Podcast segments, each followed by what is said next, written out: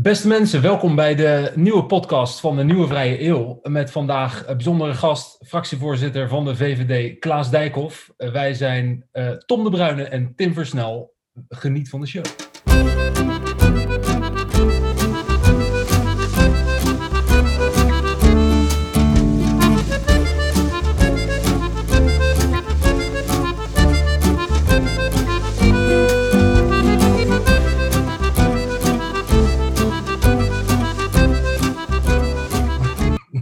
Klaas, goedenavond. Goedenavond. Jeetje, wat een tijd. Ja, ja en ook al lang ook. Ja. dus en nu komen dan die verkiezingen van Amerika nog bij deze week. Je zou het bijna vergeten. Ja, ja ongelooflijk ja. Kijk, op het moment dat wij, dat wij, deze podcast opnemen is het uh, donderdagavond. Dus tegen de tijd dat mensen uh, deze podcast beluisteren, is er hopelijk een nieuwe president van de Verenigde Staten. Ja, maakt, maakt het nou, eigenlijk ja, Biden, president-elect is hij dan. Ja, oké. Ja, denk je dat Biden... ook. Ik denk dat, dat Biden uiteindelijk net genoeg stemmen haalt om te, te moeten hebben gewonnen. Maar in, uh, bij Al Gore uh, en Bush was het, liep het ook anders. We wisten ook in de rechtszaal beslist. Ik zal het niet te lang uitweiden. Ik heb dan gehoord een paper over mogen schrijven. Zo oud ben ik dat ik toen studeerde, zeg maar. Maar um, ja, dat is. Uh, de, de, dus je weet niet hoe het loopt. En het ligt heel close. Ik, bedoel, ik geloof dat we al een hele week denken, oh, hij hoeft maar één staatje. Maar ja, dat betekent meestal dat Trump die andere wel heeft. Maar uh, dit zijn Amerikaanse verkiezingen in, die ik het minst heb gevolgd sinds ik ben gaan opletten in mijn leven. Ja, ik ben totaal gedeprimeerd hier daardoor. Ik denk, weet je, als ik het nog ga volgen, dan, uh, dan kan ik alleen maar teleurgesteld worden. Dus ik ga gewoon uit van Trump en dan kan het alleen maar meevallen. Ja, wat, wat maakt het echt uit dan eigenlijk wie president van de VS wordt? Ja, omdat het ook een toon zet wat normaal is. En, uh, en uh, hoe noemen jullie dat ook? Je hebt zo'n. Uh, het is jammer dat Mark Thiessen niet bij is deze week, want die kent al die theorieën en die, die kaders. Zo'n frame, hoe heet die? Ik ben zijn naam kwijt. Zo'n window. waarvan het regent. Overton. Overton, window. Die. Nou, kijk, heel goed, Tom het normaliseert iets wat niet normaal hoort te zijn. En het maakt een verdere opknip duidelijk tussen uh, vrij land en democratie. Um, en en uh, dat, maakt, dat vind ik zorgelijk. En de respect voor instituties en ook gewoon je plek kennen en jezelf relativeren en snappen ook wanneer je verloren hebt. En mm. respecteren dat dat zo is en niet proberen uh, de macht te zien als een, um, als een. Wat het historisch natuurlijk veel langer al was. Hè? Het is gewoon een spel en alles is geoorloofd om de macht te houden, zolang je maar behoudt. En dat zie je in grote delen van de wereld ook. Alleen ik geloof dat wij in Nederland nou juist zo fijn vinden dat er zoiets staat als liberale democratie en machthebbers die altijd maar tijdelijk zijn. En die ook dan accepteren dat ze het sokje over moeten dragen en dat het niet om hen draait. Ja. Um, maar, maar als je, oh, als je zou uitzoomen, als je zou uitzoomen uh, en je bekijkt de wereld als één groot uh, systeem met allemaal uh, communicerende vaten, zou je dan ook kunnen argumenteren dat, uh, stel dat Amerika nog verder in dit pad gaat van eigenlijk een wereldmacht die voor je ogen ja, desintegreert, kan dat ook positieve effecten hebben voor Europa en Nederland in het bijzonder. Ja, het zou kunnen. Maar dan, maar dan meer als in uh, dat je bijna dood bent en daarna gezond gaat leven. Dus, dus het, het, het, kan dan, het kan dan relatief iets opleveren. Alleen stel je voor, Amerika eh, wordt nog isolationistischer en wij gaan daardoor onze defensies versterken in Europa, dan is dat laatste op zich positief. Alleen per saldo ben je nog steeds slechter af. Ja. Dus uh, kijk, en, en maak, dan heb je het ook over de positie van Amerika in de wereld. Die is natuurlijk ook relevant, maar ik vind ook de hele manier van uh, zo identitair zijn dat, dat er niet meer geluisterd wordt en dat, je, dat het echt een, een existentiële strijd is. En dat je, dat je de anderen echt gewoon als onmens wegzet omdat ze een andere politieke mening hebben. Dat vind ik wel uh, gevaarlijk. Hoor. Gisteren, ik, zou geen naam noemen, want het was een ledenrestaurant van de Kamer.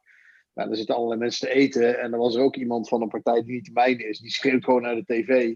Maar ja, en alles op, op de publieke omroep deugt niet. En uh, ze zeggen alleen maar kritische dingen over Trump. En het klopt niet eens. Het klopt niet eens. Ik heb niet een fragment zien van een speech van Trump. Dus wat, ik weet niet wat er dan niet aan klopt maar normaal zou je zeggen van ja, de programma is links of zijn, ze nemen te veel op voor die of voor die. Maar dan heb je nog een redelijke discussie. Maar dit is bijvoorbeeld al het klopt niet, het deugt niet en het kan al niet, niet kloppen wat die ander zegt, want ik, ik zie wie het is en ik moet die niet.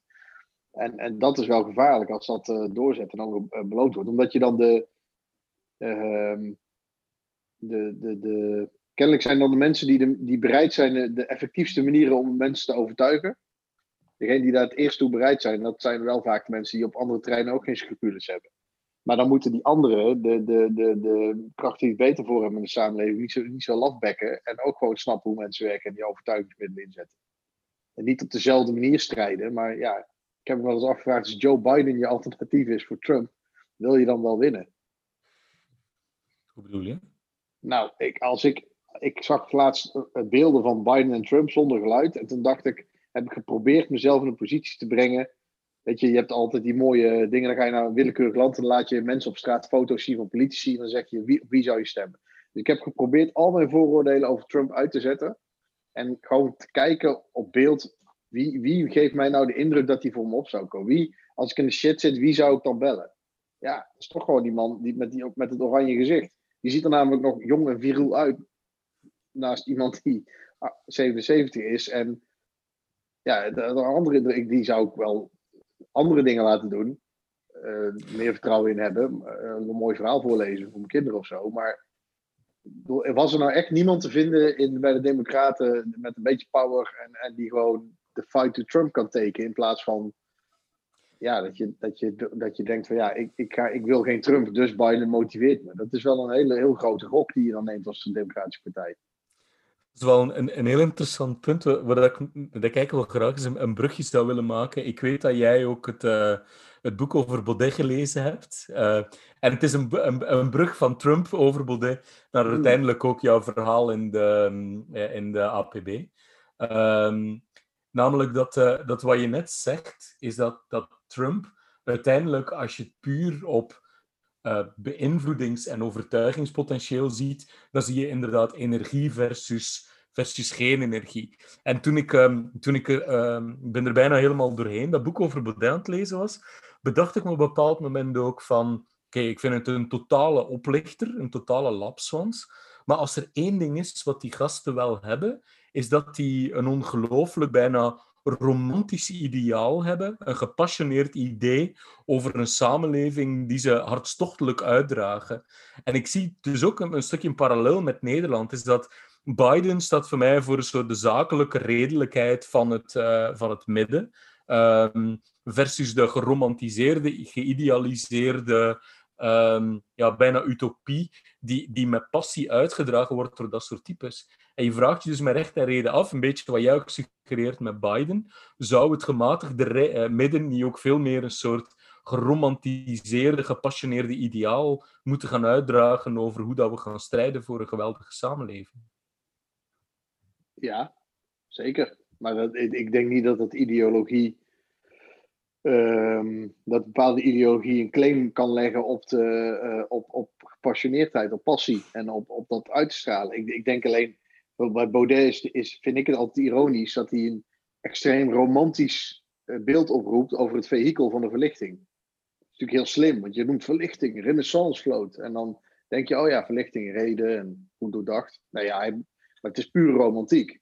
Meer, Dat is het. En het is ook, feiten zijn ook minder belangrijk dan een beeld. Een schilder past, is, is, pakt een sfeer in een schilderij. En, ja, dan moet je niet gaan zeggen van, ja, maar die boom stond daar niet. Ja, dat maakt voor de kunst niet uit, voor de romantiek. Dan, dan is leidend wat het mooiste effect geeft. Alleen in, in de wetenschap, waar die ook nog vandaan komt. En um, alhoewel, eh, als je dit boek uit hebt, kun je als een proefschrift gaan beginnen. Ja. Nou, ik heb dat uh, ook uh, gelezen. Ja, ik wist dat je ook zo dokter kon worden, had ik zelf niet zo moeite gedaan.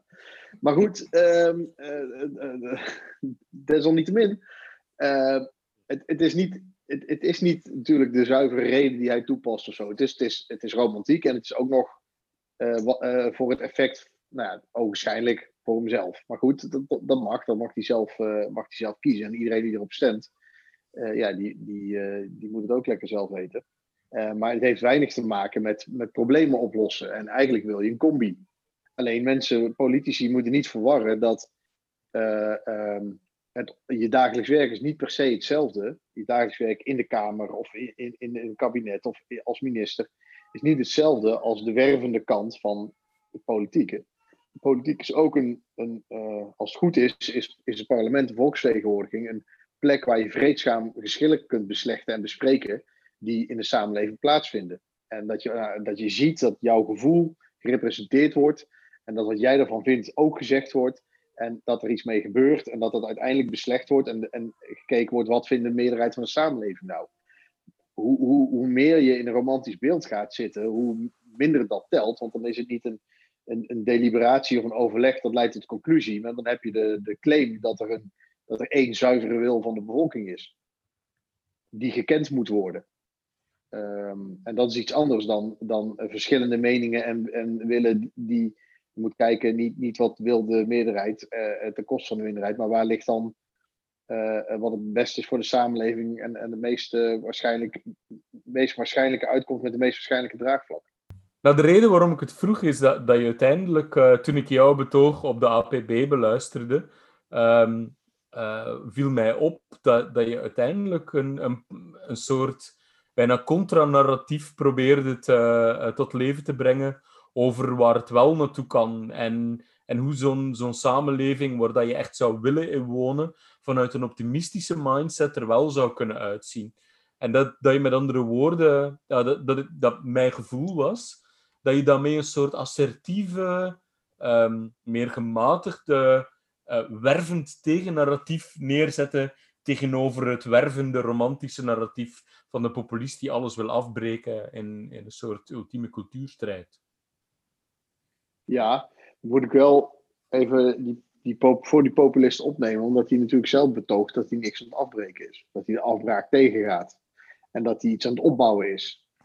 Uh, en op zich is dat niet, niet per se populistisch. Uh, uh, want eh, ja, de meeste partijen die iets willen veranderen, vinden dus dat er iets niet goed is. En dat het beter kan. Dat is hetzelfde als dat iets teloor gaat en hersteld moet worden. Alleen die gebruik je, is, het een, is de volumeknop wat anders opengedraaid. Um, en, en populisme vinden we het meestal als er, als er niet echt substance onder zit, als er niet echt een richting onder zit, of als het feitenvrij, dat het begint allerlei verwijten die we die politiek maakt over uh, de verandering van de politieke spelregels die, we, die niet gezond zijn voor de samenleving. Ja, dat gooi je eigenlijk in één bakje en dan plakken we populisme op. Ja. Um, terwijl, ja, je kunt ook populist zijn zonder een bevolkingsgroep weg te zetten. Dat kan prima. Je kunt, uh, en je kunt ook uh, uh, van alle bevolkingsgroepen houden en geen enkel geloof of achterstelling doen of besje, en maar gewoon feitenvrij zijn. Dat kan ook. Dus het, ik vind populisme altijd een beetje een ja, soort makkelijk verwijt, om ook alsof daarmee de discussie af is. En het risico is ook dat je, dat je iemand, ja, de populisten, ja, maar ja, en dan? Ik bedoel, Brexit, was dat populistisch? Nou, dat was, het was misschien ook al populistisch om een referendum erover uit te schrijven met het idee dat je dat toch wel ging winnen. Zodat jij als zittende macht nog eens even door de bevolking jezelf niet feliciteren met je standpunt. En herbevestigen dat ze echt niet de Unie uit wilden. Misschien was dat wel heel populistisch. Uh, uh, omdat je dan letterlijk het volk, het populus, gebruikt om je eigen standpunt nog eens te versterken. En uh, wij hebben dat zelf trouwens ook gedaan ooit als partij, als VVD. We waren tegen een referendum en met het Europees verdrag vonden we dat goed, omdat we ervan uitgingen dat dan de bevolking massaal zou laten zien dat ze voor dat verdrag waren van Lissabon. Nou, was voor mij als ben ik al reden genoeg om, uh, om geneigd zijn tegen te stemmen. En omdat ik dat wat makkelijk vond, heb ik dat verdrag gelezen.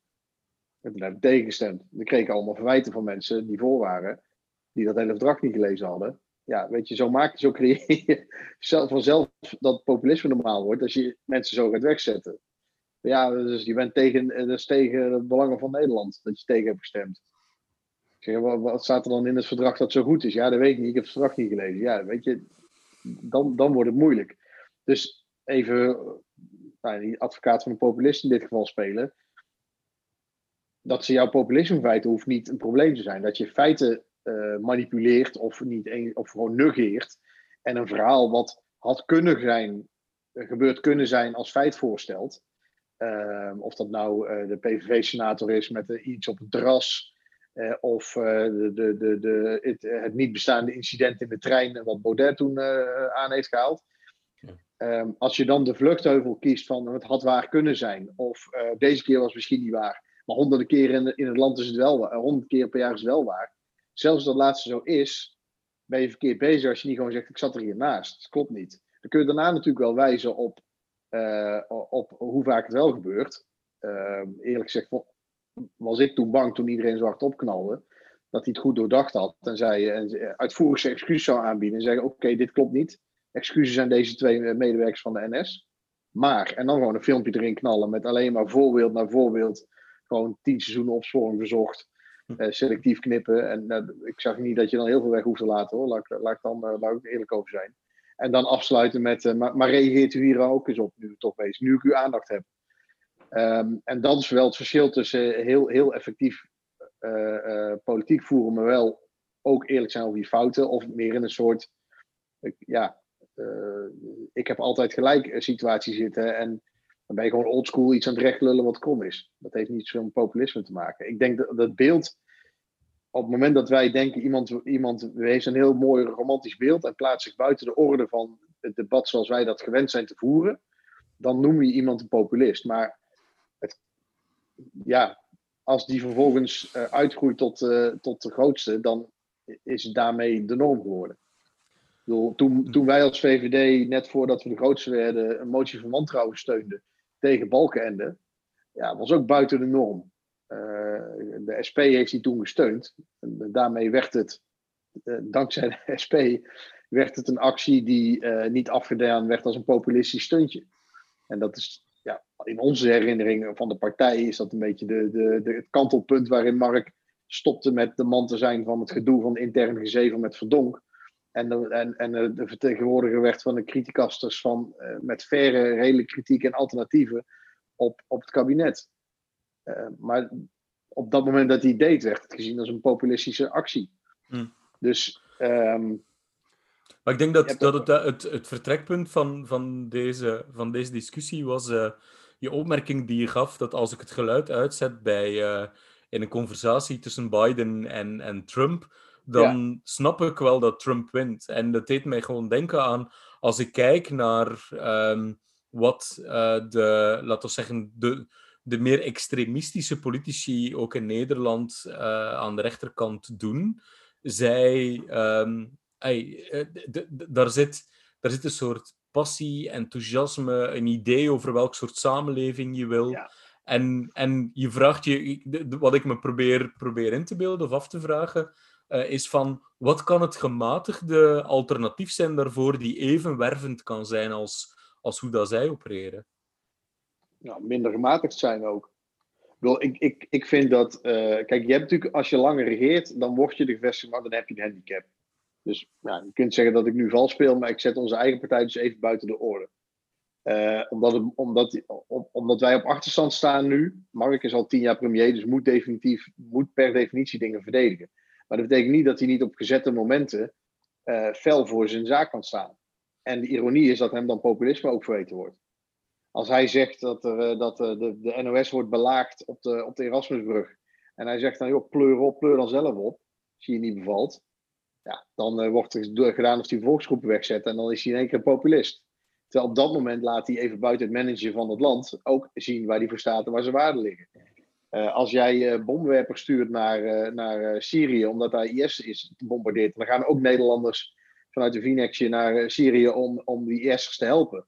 En je zegt dan, ja, ik, ik, bom, ik vraag piloot om er een bom te gooien. Dus nou ja, dan heb ik liever dat ze daar sneuvelen dan ze terugkomen. Ben je een populist. Terwijl het de enige consequente doorredenering was van het feit dat onze militairen daar bommen gooien. Ja. Dus wat, wat de reflex kan zijn, is dat, de, de, dat je moet iemand niet en je vindt iemand fout bezig, zoals nou, Trump. Dat je dan vervolgens alles wat hij doet verkeerd gaat vinden en in alles probeert de anti-Trump te zijn. Wat Pechtold succesvol heeft gedaan ten opzichte van Wilders, maar dat is niet hetzelfde als het gedachtegoed bestrijden. Dat is de boxingmatch aangaan, eh, ter, meer, ter, ter voordele van allebei. Uh, ik heb ook interruptiedebatjes waarin ik uh, nou, soms heel kalm blijven en proberen te destilleren en op de inhoud te zijn. En soms kies ik ervoor, nou, soms kies ik ervoor, maar vaak eh, als het gebeurt heb ik het gewoon gehad en dan knal ik hem terug. Ja, die laatste die gaan online harder. Ben ik dan in één keer een populist omdat ik gewoon van me afbijt en, en een keer niet denk, ik ga hem nu niet inhoudelijk fileren, maar ik geef je nou gewoon het vet van onder, want ik ben hier klaar mee. Ik denk dat je dat allebei moet doen, omdat als niemand ooit voor zichzelf op, hoe komt hij nou voor jou op als hij niet voor zichzelf opkomt? Je moet er alleen niet in blijven hangen. Dus als je als politicus aangevallen wordt op die manier, heel gepassioneerd, met onzin en gelul, dan moet je hem eerst een patch geven en dan een goed verhaal houden wat inhoud geeft.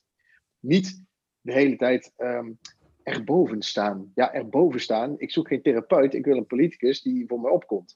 Uh, en, ik wil, uh, en, en ik wil dat uh, als je al niet tegen je eigen homegrown populisten of wie dan ook op kunt, of grote bek, wat gebeurt er dan als er een ander land denk ik kritiek heeft? Um, dus, dus in die zin, ja, erboven staan, dat, is, dat, dat, vinden we, dat zeggen we allemaal wel dat we dat het liefste hebben. Maar als het erop aankomt, wil je ook gewoon iemand uh, die, uh, die, die, die, ervoor gaat staan, die een patch geeft. Ja. Die, dat je in ieder geval weet dat hij het kan. En, en de andere dat ook weet, waardoor het waarschijnlijk niet eens nodig is. Maar, um, dus en dat durven, dat durven gematigde politici minder? Jawel, er zijn er wel. Ik vond, ik, Dirk Samson deed het ook. Uh, uh, uh, ik vind marketingcampagnes het ook doen. Ik vond. Ja, daar hebben we wel meer, maar ik zit even terug te denken.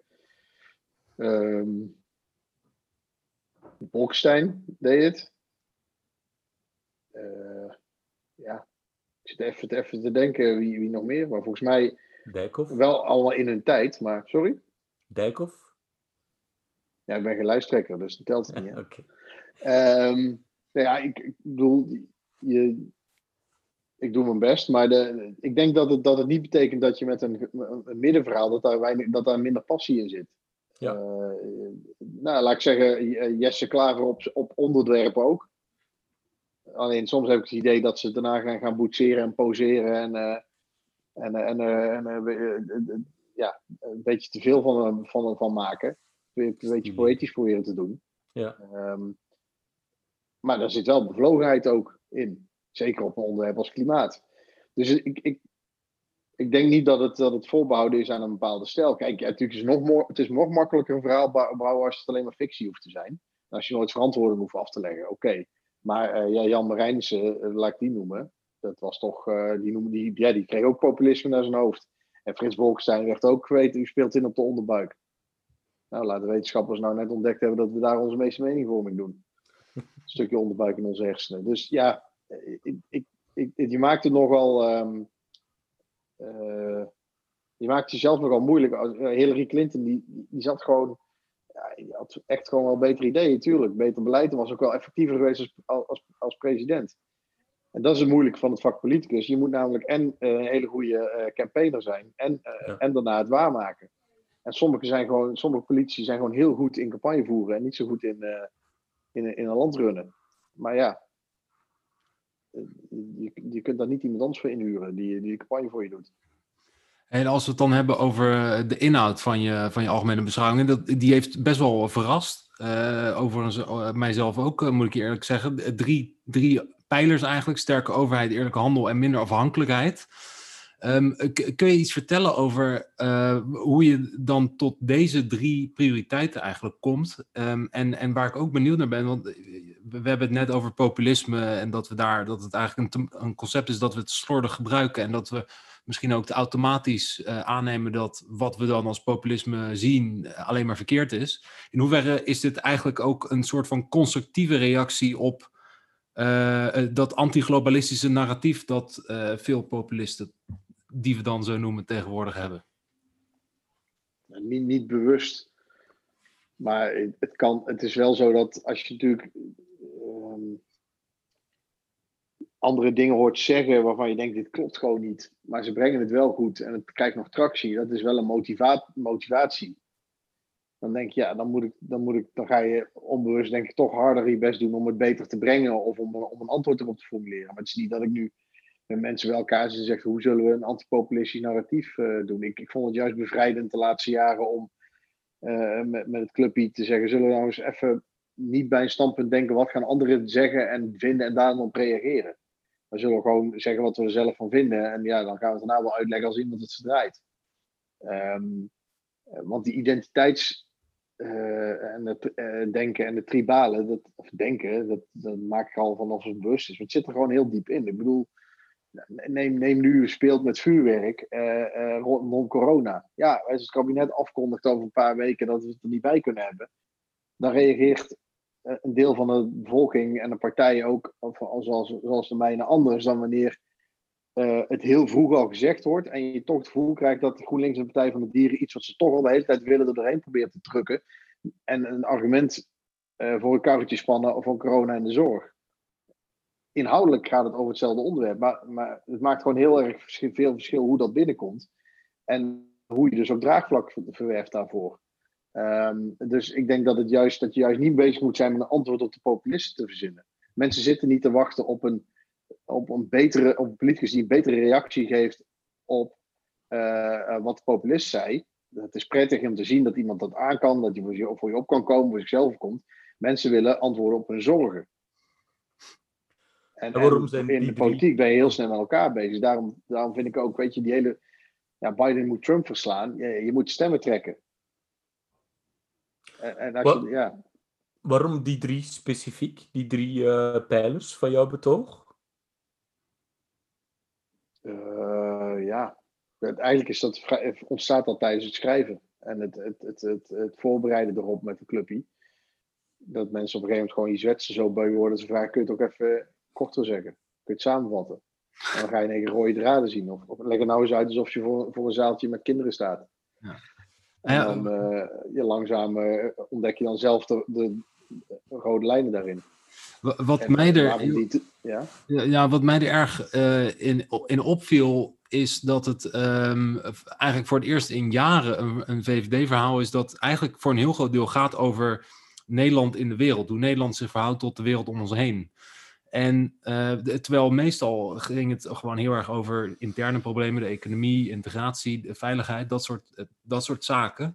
En mm. daar, dat is ook eigenlijk met name wat bij mij dat gevoel opriep van, hé, hey, dit gaat, is een antwoord op dat populistische narratief. Daarmee bedoel ik ook meer, dit is eigenlijk een, eh, onze kijk op uh, een oplossing voor, voor eigenlijk een soort van ongemak dat mensen ervaren over ja ja, hoe we ons verhouden tot de rest van de wereld. En dat is natuurlijk ook wel dat, die globalistische waar, waar een deel van het populisme over gaat. Ja. ja, kijk, daar zit een zekere opbouw in. Ik heb, je hebt natuurlijk een algemene beschouwing, kun je gewoon ieder jaar doen over de begroting. Uh, ik heb zelf gedacht, ik, uh, ik mag er vier doen. En de eerste ging eigenlijk heel erg over, uh, in al, hele abstracte zin de toekomst, maar en heel concreet over het parlement zelf en de manier van politiek bedrijven. De tweede ging heel erg over de veiligheid en vrijheid uh, en, en, en, de positie en discriminatie in onze wijken.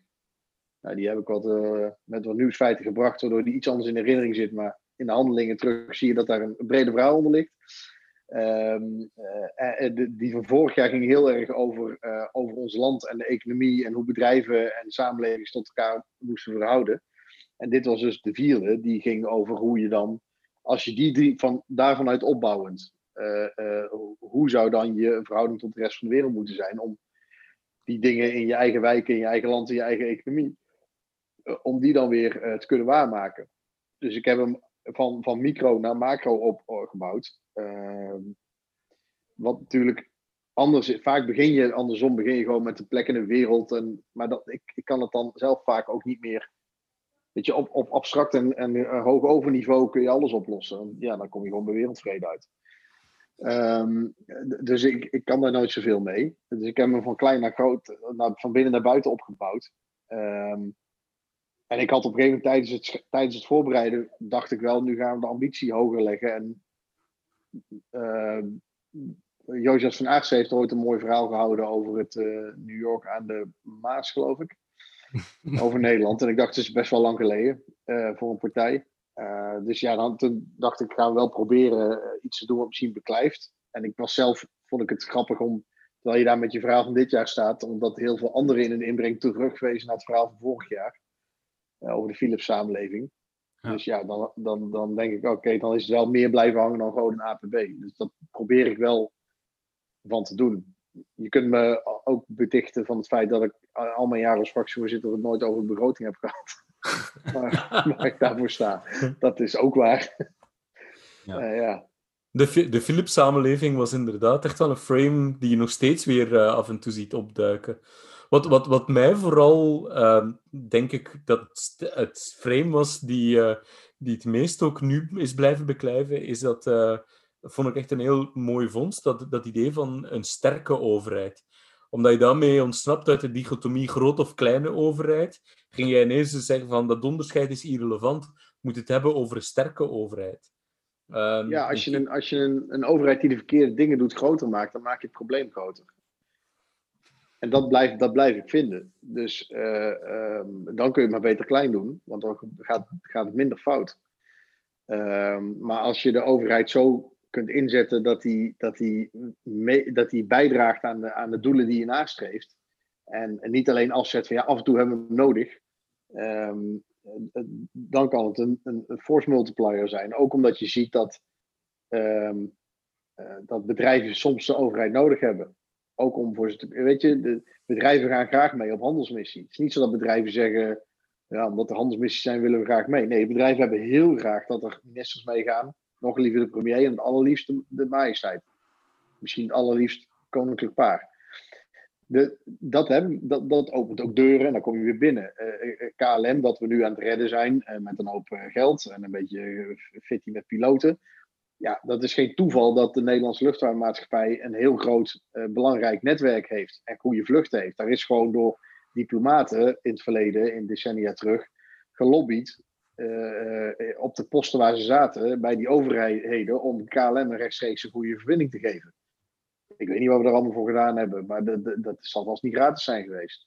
Dus dan, dan zet je die sterke overheid samen met die bloeiende economie, die laat je hand in hand gaan dan maak je een team van.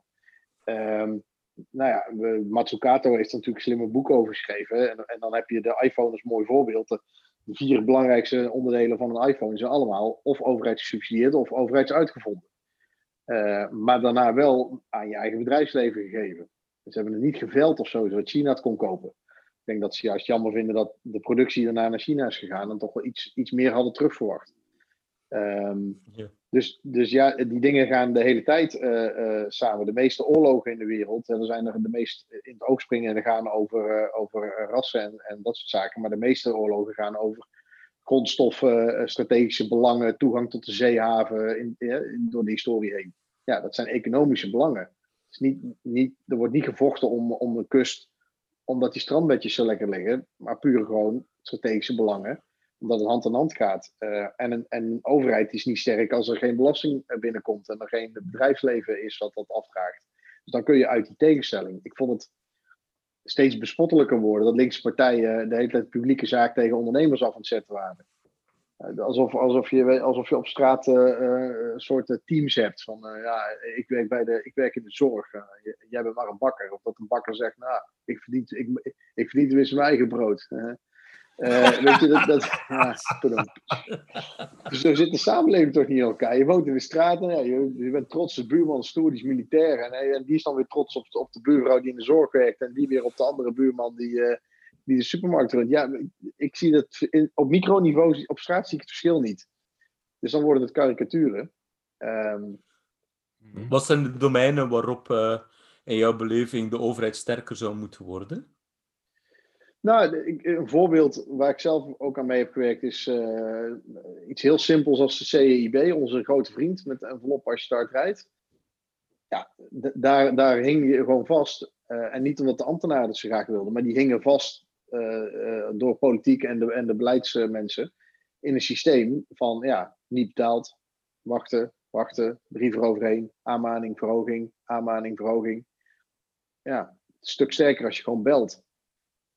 En dan krijg je waarschijnlijk iemand de lijn die de brief niet openmaakt. Dus ja, waarom is niet zo netjes van u? Waarom doet u dat niet? Ja, ik heb toch geen geld, dus ja, kan hem openmaken, ik kan toch niet betalen. Ja, kun je dan een tientje per maand betalen? Ja, eigenlijk niet. Ja, zal toch moeten, heeft een boete. Ja, laat maar proberen dan. Oké, nou dan bevries ik de verhoging. En dan draai ik de laatste verhoging terug. Dan betaalt iemand uiteindelijk zijn boete. In plaats van dat hij er nooit meer uitkomt door alle aanmaningen en verhogingen. Dus dan kun je een hele grote overheid bouwen die heel efficiënt is in het sturen van brieven en het volgen van het systeem en het sturen van brieven en uiteindelijk het sturen van de deurwaarder. Maar uiteindelijk levert dat niks op en kun je hem beter sterk maken en zorgen, oké, je hebt een boete, die moet je betalen. En dan gaan we kijken hoe je dat doet.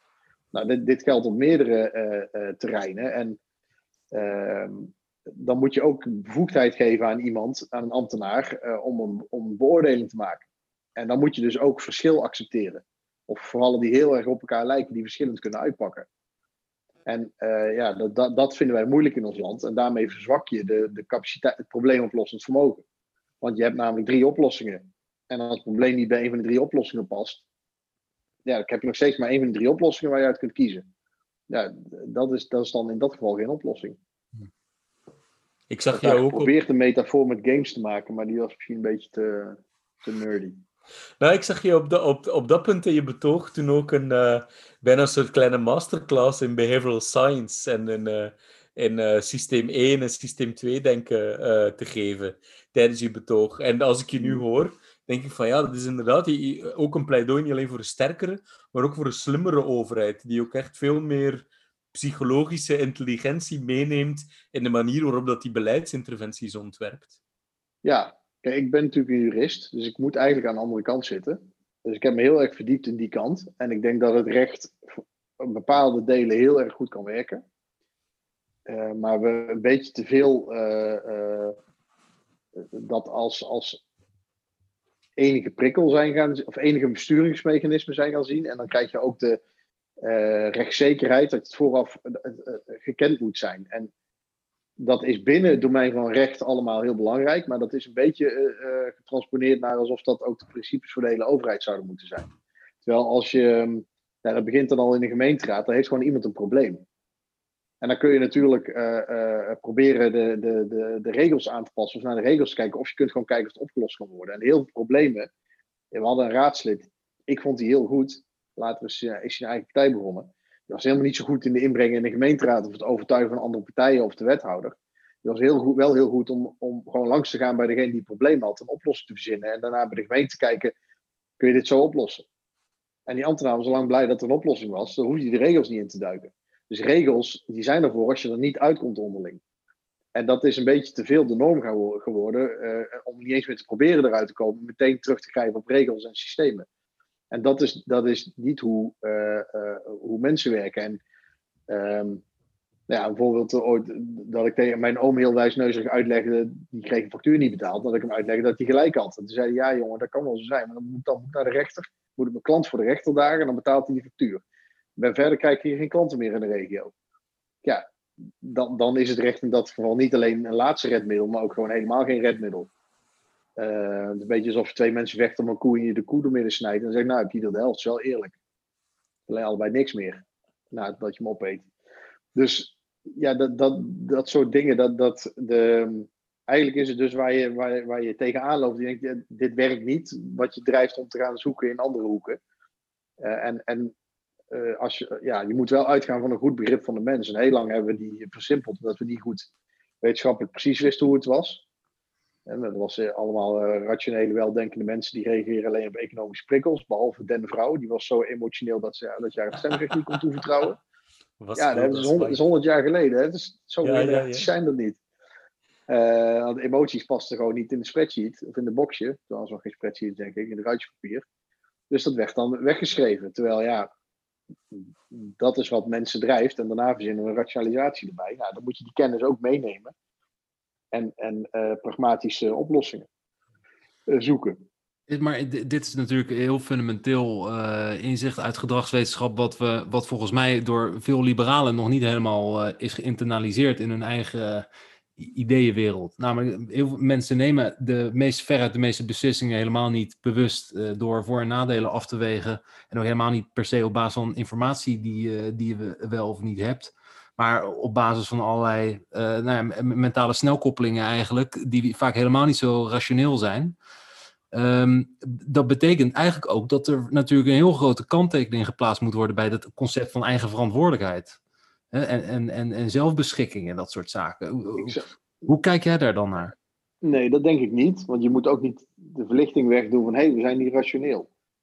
Het is juist, het maakt, het maakt de kennis die je hebt van dat het niet vanzelfsprekend is, maakt het juist nodig dat je je bewust bent ervan en dan jezelf dwingt tot rationeel denken en oplossingen verzinnen. En het is ook echt niet voorbouwd aan liberalen. Ik denk dat liberalen op sommige terreinen heel goed aanvoelen uh, hoe het zit. En dat, er, dat het niet zo simpel werkt. Dat je niet kunt zeggen, uh, nou, mensen willen al, zijn van goede wil, dus je komt hier, waar ter wereld dan ook, en dan leggen we je uit, hier is vrijheid. Nou, leer het even uit je kop.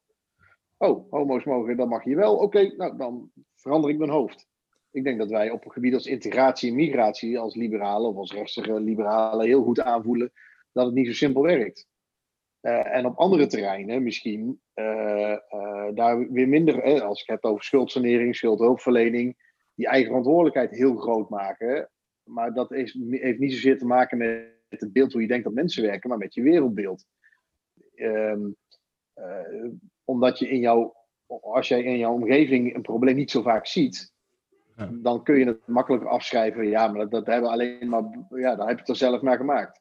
Totdat je zelf een keer in een bepaald schuitje zit. En, en er zit een soort en het moralisme wat erin zit tussen werkende en niet werkende, ja, dat is op zichzelf ook natuurlijk behoorlijk emotiegedreven.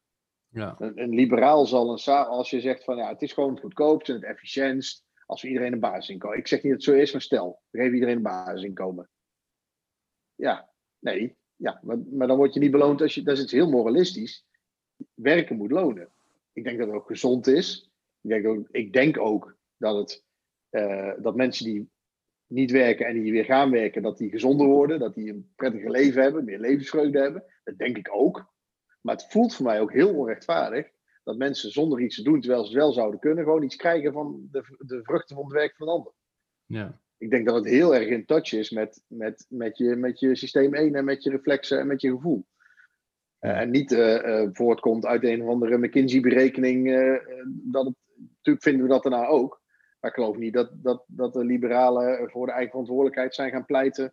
nadat ze een berekening hadden gezien dat je daar gelukkiger van wordt. Er zit gewoon een gevoel van rechtvaardigheid onder. Uh, dat, dat is natuurlijk zo. Voor, voor een deel gaat, is het ethiek, maar het is natuurlijk ook voor een deel uh, politieke overtuiging, ideologie eigenlijk van vroeger. Uh, socialisme, liberalisme zo. Ga, daar zit natuurlijk ook wel degelijk een, een mensbeeld in van hoe mensen het best gedijen. Hoe je mensen het best kunt, uh, mm -hmm. een, samenleving van mensen het best kunt organiseren. Mm -hmm. is, een veel, is een groot deel daarvan niet gewoon eigenlijk achterhaald door gedragswetenschap? Nou, in de kern niet. Om de kern, ik nog steeds vind dat mensen die. Alleen je moet, je moet het niet. Je moet er geen karikatuur van maken. Dus als je het hebt over vrije keuze. Als je dan zegt, denk je dat mensen gelukkiger worden als ze meer keuzeopties hebben? En we gaan naar voorbeelden van uh, tube. Nee. Dan weten we zelfs dat geloof ik het optimum bij 6 zit. Maar dat is iets anders dan te zeggen: oh, mensen houden niet van vrije keuzes, dus we maken er een communistisch systeem van. En je keuze tussen auto's is zwart of zwart. Zoals dat nieuwe, die Start-up Lincoln Code, die laat je nu kiezen tussen zwart en blauw. Dus alles komt weer terug. Maar, maar dan door een bedrijf dat snapt dat mensen helemaal niet zoveel behoefte hebben aan keuzes. um, dus in de kern denk ik nog steeds dat mensen in vrijheid met grote mate gelukkiger worden. Niet omdat, dat, omdat, ze, omdat ze rationeel dan de beste verzekeringspolis kiezen of de optimale tandpasta of het best reinigende schoonmaakmiddel. Maar gewoon omdat ze zich gelukkiger voelen. Dus als je, als je al uitgaat van individuele mensen die je de ruimte wil geven om hun geluk te vinden, zonder garantie dat je het vindt, dan ga je eigenlijk al heel erg uit van een, gevoels, een, gevoelsmatig uh, uh, streven. Wat je probeert te optimaliseren is de kans op een gevoel, een geluksgevoel. Ja. Niet een momentje, maar een gevoel van geluk. Dus dat is eigenlijk al misschien ben ik er nu heel erg naar mijn straatje toe aan het rationaliseren, maar hoe meer ik erover over spreek, hoe meer ik denk, ja, dit is in doelen, past dit heel goed bij wat we nu inmiddels weten over mensen. Dat ze zelf sociale verbanden ook opzoeken uh, en daar een mening in vormen. Uh, dan dat de, uh, je eigen keuzes meer gedomineerd worden door de groep om je heen dan misschien je eigen calculatie ook. Dan is het dus wel zo fijn dat jij de vrijheid hebt een groep te vinden waar je je ook prettig bij voelt. Want we hebben natuurlijk ook onderdrukking is gewoon dat je je verplicht wordt te conformeren zonder dat je daar prettig bij voelt. Uh, en dat is natuurlijk wat je in andere, andere stromingen wel meer hebt. Eén beeld van het goede leven en dat moet dan. Jij bent een jongen, dus je trouwt met een meisje. Ja, hoe, ik kan niet dat, dat plaatsen als uh, meer in touch met uh, de kennis van systeem 1 of zo. Dus, nee, maar als je, als je bijvoorbeeld het argument neemt van, van de voorstanders van een, van een universeel basisinkomen, dan is een van, denk ik ook, uh, de argumenten die nogal passen bij het snappen van, van, het, van het brein of het onbewuste, is dat die mensen zeggen van kijk, als je in een systeem leeft waarin dat elke tegenslag uh, die op je afkomt, of elk risico die je neemt die niet slaagt, dat daarmee betekent dat je gewoon ofwel je hypotheek niet meer kan betalen, ofwel uh, op het einde van de maand in de problemen komt. Dat soort samenlevingen creëert een, een groep van mensen die elke maand gewoon zodanig veel stress hebben uh, en zodanig veel... Um, ja, eigenlijk niet, niet op zoek zijn naar geluk, maar zodanig bezig zijn met het vermijden van ongeluk, dat, dat die samenleving voor die mensen gewoon niet, niet te harde is. En dus dat een universeel basisinkomen je een soort buffer geeft, waardoor dat je kan op zoek gaan naar manieren om jezelf terug, uh, terug laten we zeggen, in gang te krijgen. Iets wat naar mijn gevoel heel liberaal uh, voelt. Um, twee twee uh, dingen die me, in me opkomen is um, de afstand tussen kritiek en samenleving waarin elke tegenslag meteen je hele stabiliteit en waarheid onder, onderuit haalt flop, dus een basisinkomen. Daar zit wel heel veel tussen. Oké. Okay. Uh, plus dat ik dan denk, dit is een slimme rationalisatie van een theorie over het menselijk brein en het menselijk systeem, naar een standpunt wat mensen sowieso al leuk vonden.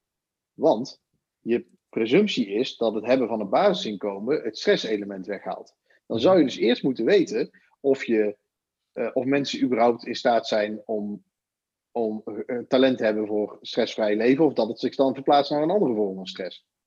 Ik weet niet of mensen in de eerste wereld met uh, elektrische tandenborstels met navigatie erin, want die, dat is wat we nu hebben, met je schermpje, met je kwadrant, of die in absolute zin minder stress hebben dan de mensen die, die, die één stokje met een draadje per gezin, stokje per gezin hebben. Een soort veredelde flos. Nou doe ik even de Dollar Street plaatjes die mij het meest zijn bijgebleven. De, de stijging in geluk zit hem, zit hem, de optimale stijging zit hem tussen het moment dat je één tandenborstel hebt voor het hele gezin of iedereen zijn eigen tandenborstel.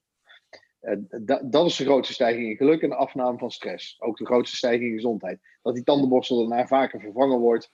Dat, die, dat je kunt kiezen uit drie hardheden. Dat die machine elektrisch is. Dat die machine navigatie heeft. En dat die machine. Zeg je? En een tongborstel op de achterkant. Een tongborstel erbij. Dat, dat, dat voegt allemaal niet zoveel meer terug aan het vermeerderen van geluk of wellicht het afnemen van stress. Dus de vraag is, uh, uh, uh, welke stress komt er voor in de plaats? En neemt, neemt die dus met de basisinkomen heel erg af? En de vraag is ook, wat is het optimum stressniveau? Want de, de presumptie van je stelling is ook dat geen stress het beste zou zijn. Terwijl de competitie om uh, beter te worden, om vooruit te gaan, om te klimmen in de maatschappij, om jouw kinderen meer te geven heel bot gezegd, dan andere kinderen. Om ze het idee te geven dat jij hard werkt om je kind een voorsprongetje te kunnen geven. Of om een probleem op te lossen als CO2. Of uh, dat is anders. Dat is heel erg stress. Ik ben vrij stressgedreven. Ik ben, kom relaxed over meestal. Maar de, de ding, ik, ik doe niet zo hard mijn best om dingen voor elkaar te krijgen die ik graag anders wil zien. Omdat ik denk, oh, het is toch maar spelletjes, maakt eigenlijk helemaal niet uit. Of we nou wel of niet CO2 uitstoot, maakt allemaal niet uit. Of we nou, weet je, hadden ook gewoon alle Nederlanders gek kunnen maken met het afschaffen van de dieselauto eh, binnen drie jaar. Zoeken ze maar uit, maakt allemaal niet uit. Nee, ik heb daar meningen over die gedreven zijn uit, uit dat ik denk dat iets een probleem is en anders moet. Dat iets een probleem is, is een stressfactor. Die drijft mij wel. En dat is natuurlijk iets anders. Of, eh, ik, ga niet zeggen dat, dat het een goede impuls is om beter je best te doen als je je hypotheek kunt betalen. Dat is essentieel. Er is een, daar kun je niet onderuit zakken. Maar om dan maar te zeggen een basisinkomen, dan moet je dus weten, uh, ook weten hoeveel nuttige stress dat wegneemt. Hoeveel, uh, en dan heb ik het niet over de economische, rationele prikkel. hey, ik moet geld hebben, ik ga mee werken. Maar gewoon uh, hoe, hoe, hoe, hoe, dat drijft. Ik, nou ja, heel veel mensen die met pensioen gaan, daar noemen ze een zwart gat. En dan is die politiek uitgaan trouwens ook. Dus ik zou je, hou jullie op de hoogte. ja, maar, maar, maar, ik heb mijn vader ook, die zei ook, die ging op pensioen. Die is vanaf zijn 17e militair. Die had gewoon, die moest dingen. Daarna moest hij nadenken over, ja, ja, ja. Dat is geen appel. Hoeft niet een bepaald tijdstip ergens te zijn. Dus dan moet je een hele nieuwe motivatie gaan zoeken om van die bank af te komen, om iets te gaan doen. Dus, dus een basisinkomen heeft natuurlijk ook effecten. Voor, voor die categorie waarin jij dat ziet, snap ik hem. En ook het experiment in Londen, geloof ik, met om het budget voor daklozen niet meer uit te smeren over alle daklozen, maar gewoon heel gericht te zeggen: jij hebt dit jaar geluk, 10.000 pond, wat heb je nodig? want voor iedere, voor iedere week een tientje kun je, niet, dan kun je geen life-changing eventen doen. Dan kun je gewoon je, je niveau van miserie langer continueren. Dus dat snap ik wel. Dus dan zet je echt in, oké, ik pak jouw beet, huis, begeleiding, opleiding en we gaan jou op de rit zetten. Daar, dat snap ik. Maar dat is iets anders dan, ja, mensen we moeten, hebben ander stress, dus je krijgt een basisinkomen. Ja. Ik had het specifiek over deze groep, inderdaad. Namelijk mensen die door dat soort stress van niet meer voor een gezin te kunnen zorgen, ja, de ene domme beslissing naar de andere nemen. Zo'n beetje het soort mensen dat jij ook uh, in je voorbeeld aanhaalt van het uh, boete, uh, ja. de boete-industrie. De, vraag is of, of, of bij al die mensen, bij een deel zal de een basisinkomen helpen, bij veel zal er meer nodig zijn. Ja. Want ook met een basisinkomen kun je te veel schulden maken. Ik, de, de, veel mensen in die categorie hebben nu een, een ja, dat heet dan bijstand. Dat ja. ja, ja, precies. Met als we dat basisinkomen noemen, gaat voor de mensen niks veranderen. Nee. Als je het verdubbelt, kan het veel veranderen. Maar het kan ook zijn dat, dat, dat de stressniveau hetzelfde blijft, omdat je wel iets wel meer kunt betalen, maar als je nog meer schulden maakt, dan gaat dat, niet, gaat dat je niet helpen. Ja. Dus ik, ik, denk dat dit soort problemen, de kennis van hoe mensen werken, zeker nuttig zijn om, om de betere oplossingen te kiezen, de betere middelen. Maar dat je niet in broad strokes daarmee een hele ideologie gelijk kunt geven of dit soort enorme plannen van de Republikeinen ooit, die dit verzonnen hebben, um, vorm te geven. Plus, er is ook nog een ander stukje gedragswetenschap van, van Kahneman notabene, van het systeem 1, systeem 2 onderscheid. Wat, wat, wat minder vaak wordt geciteerd, uh, zijn onderscheid tussen het uh, ervarende en het herinnerende zelf. En uh, heel duidelijk daarin is ook dat het ervarende zelf, de, dus waarmee je in dit moment eigenlijk de werkelijkheid beleeft, houdt heel erg van comfort en gemak. Dus die zou een groot fan zijn van het basisinkomen. Maar het herinnerende zelf, uh, wat uiteindelijk bepaalt hoeveel voldoening je hebt over je leven en, en, je levensgeluk eigenlijk voor een heel groot deel bepaalt, die geeft juist, die, die, hecht veel meer waarde aan beproevingen en aan pijn en aan problemen doorstaan en overwinnen. En inderdaad stress. Daarom, daarom doen mensen aan sport. Precies, bijvoorbeeld, ja. Om, Over bergklimmen en dat soort dingen. Ja, ja. ja maar, maar ja, en ik denk ook dat, um, kijk, bij, bij de allerkwetsbaarste in onze samenleving, maar dat is een, wij vinden dat alleen kunnen bij de aller, allerkwetsbaarste, die krijgen ook alle bijstand in natura. Ja. Uh, omdat daar de, de, de, de korte termijn, de, prik, de korte termijn, lange termijn afweging zo ver uit het lood geslagen is dat je zeker weet dat die dat je die weer helemaal moet opbouwen en trainen. Dus, uh, en dat heeft vaak te maken met verslavingen of verstandelijke beperkingen. Um, ja, dan, dan, ja, dat is ook ironisch, want hoewel dat niks, dat alles te maken heeft met het beperken van de keuzes, zijn het meestal liberalen die, die, die met dat soort plannen komen. Ja. Um, ja. Hey, we waren uh, via de algemene beschouwingen en jouw drie pijlers bij, en de sterke overheid uh, bij uh, dit, het mensbeeld terechtgekomen. Laten we even teruggaan naar um, eerlijke handel en die minafhankelijkheid. Kijk, dat minafhankelijkheid, dat was, daar heb je ook veel over verteld, heel erg gevoed ook natuurlijk door de ervaring in die COVID-crisis, dat we heel veel ineens niet meer zelf kunnen. Althans, we ontdekten ineens dat we heel veel al een hele tijd niet meer zelf kunnen. Um, en die eerlijke handel, dat is natuurlijk interessant. Zeker ook omdat we, ja, we, we blijven het kleine Nederland uh, in, uh, in een heel grote wereld. Um, mm -hmm. Dus voor die eerlijke handel en die minafhankelijkheid is de Europese Unie natuurlijk voor ons een heel belangrijk middel. Ja. Um, vind jij dat wij, liberalen, uh, wat meer comfort zouden moeten leren hebben bij, uh, de, bij een sterkere Europese Unie ook? Ja, als je hem zo stelt, dan wordt het al meteen weer zo'n institutioneel. Uh, ik denk dat, dat, dat liberalen heel makkelijk heel veel comfort kunnen hebben bij een sterke Europese Unie. Ik denk op het moment dat een Europese Unie met mensen met, uh, van Frontex met een blauwe uh, uniform met gele sterren op de rug de grens bewaken en dicht houden, dat er dan liberale, conservatieve, maar ook, ook socialisten, want die zijn meestal op dit terrein ook, Jan Marijnissen zal ik weer noemen, ook nogal van uh, vocht Europa. Nou, ik, denk dit, dat we heel, sterk, ons heel comfortabel voelen bij een sterke Europese opgetreden, de Europese Unie. En, en ook hier zit het hem weer niet in, in, in, in Brussel. Kijk, je, je land, de Nederlandse overheid kan sterk zijn naar de bevolking op twee manieren, denk ik, even grof geschetst. Door te performen, door waar te maken en door de, de politieke kant. Dus je kunt als, als Nederlander, als jij gewoon als ons, onze defensie iets knap doet, of we verijdelen een, aans, verijdelen een aanslag met de geheime dienst samen met de politie, we pakken een crimineel, dat, dat, dan denk je, kijk, dit is, dit is een sterke overheid, dit gaat goed. Of we pakken een vleesfraudeur we zorgen ervoor dat er geen, geen, geen giftige zooi op bord van je kinderen ligt. Dat is één manier. Zo kan de Europese Unie ook performen. Gewoon de boete geven aan Microsoft toen die koppelverkoop deden. Uh, um, uh, je grenzen stevig dicht houden, uh, sancties opleggen aan landen. Dan kun je met, met de performance geef je dus vertrouwen in een sterke Unie. Nationaal kun je ook het gevoel hebben, de, ik, ik, fijn, de politiek of de overheid vertegenwoordigt mij, doordat je een premier, een minister of een Kamerlid iets ziet doen waarvan je denkt, ja, dit, dit ben ik. Dat is in Europa gewoon extreem moeilijk. Dat, hele, hele performance kant van de politiek is daar gewoon, die is er gewoon, is gewoon niet te doen. Het Europees parlement, ik weet niet wie van jullie daar wel eens een debat heeft gevolgd. Ja. Ik, ik heb ze daar nooit mogen voeren. Ik ben er opgetreden. Ik zal het nooit vergeten. Ja. Met al die tolken en ieder zijn eigen taal. ik bedoel, ja, je, je, ja, een beetje Britse lagerhuis kun je volgen, dat snap ik. En het Duits gaat dan ook nog wel een beetje. Maar ja, ik, je kunt mij een prachtig gepassioneerd debat laten zien van, van de Zweedse, ik weet niet hoe het heet. Ja. Ik weet het denk zo, maar ze hebben. En, en ja, ik weet het niet. Misschien vertelt hij wel, oh, misschien vertelt hij wel alles wat ik vind en nog briljanter dan ik, dan ik ooit had kunnen dromen. Maar ik versta het niet. Nee, het doet dus, een ja, beetje denken aan dat. Een, een Maltese zien vechten met een Cypriot, maar ik. Het doet een beetje denken aan dat intergalactische parlement in Star Wars, vind ik.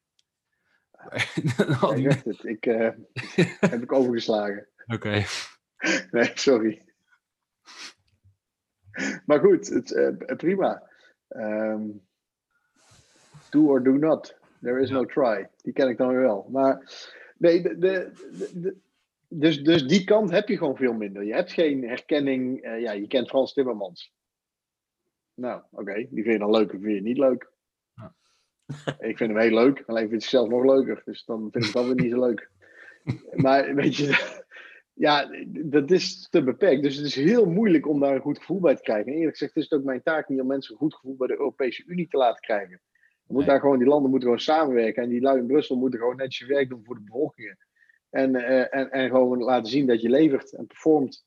En niet te lang op successen te kunnen teren. Want ik denk dat we het uh, één jaar knap vonden en blij waren met het feit dat we niet meer uh, blut waren toen we terug gaan op vakantie. Dat we vergeten waren de 4G-roaming uit te zetten toen we Dumpert gingen kijken op de camping in uh, Blanes.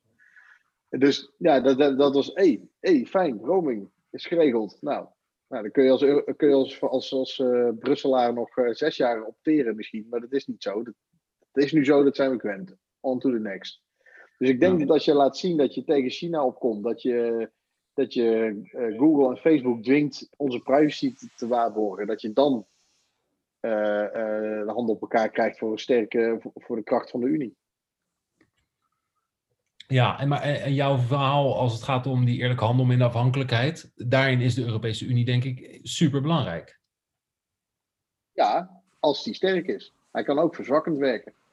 Ja, Kijk, op het moment dat, je, dat er één land uh, alles blokkeert, omdat die het free deal hebben. Ik bedoel, het blijft. Het blijft uh, stel je voor, um, nou, we hebben dat heel lang gehad met die zonnepanelen. Die komen allemaal uit China.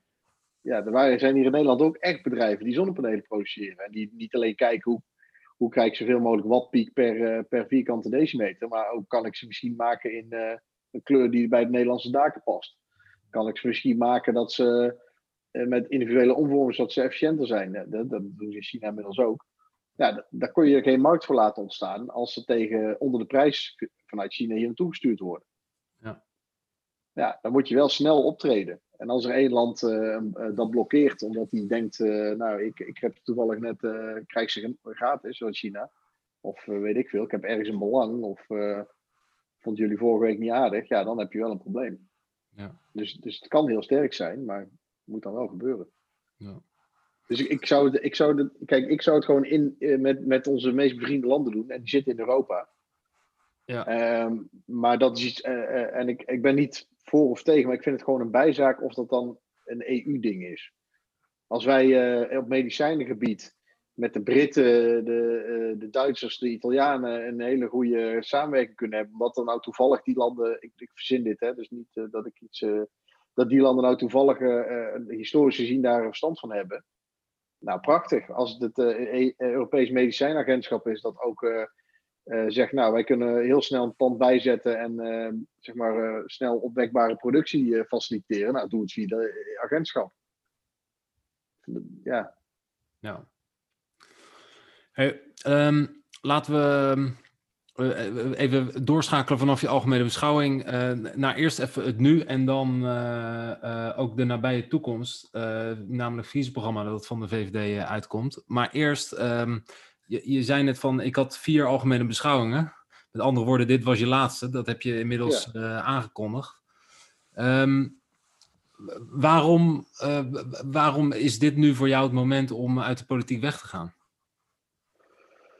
Uh, je niet te kandideren voor de Tweede Kamer, laat ik het zo zeggen.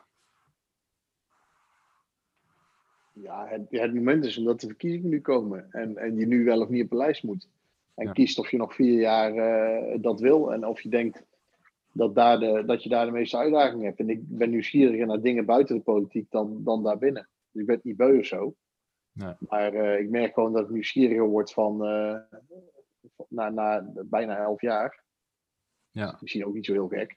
Nee. Um, Wat triggert je nieuwsgierigheid?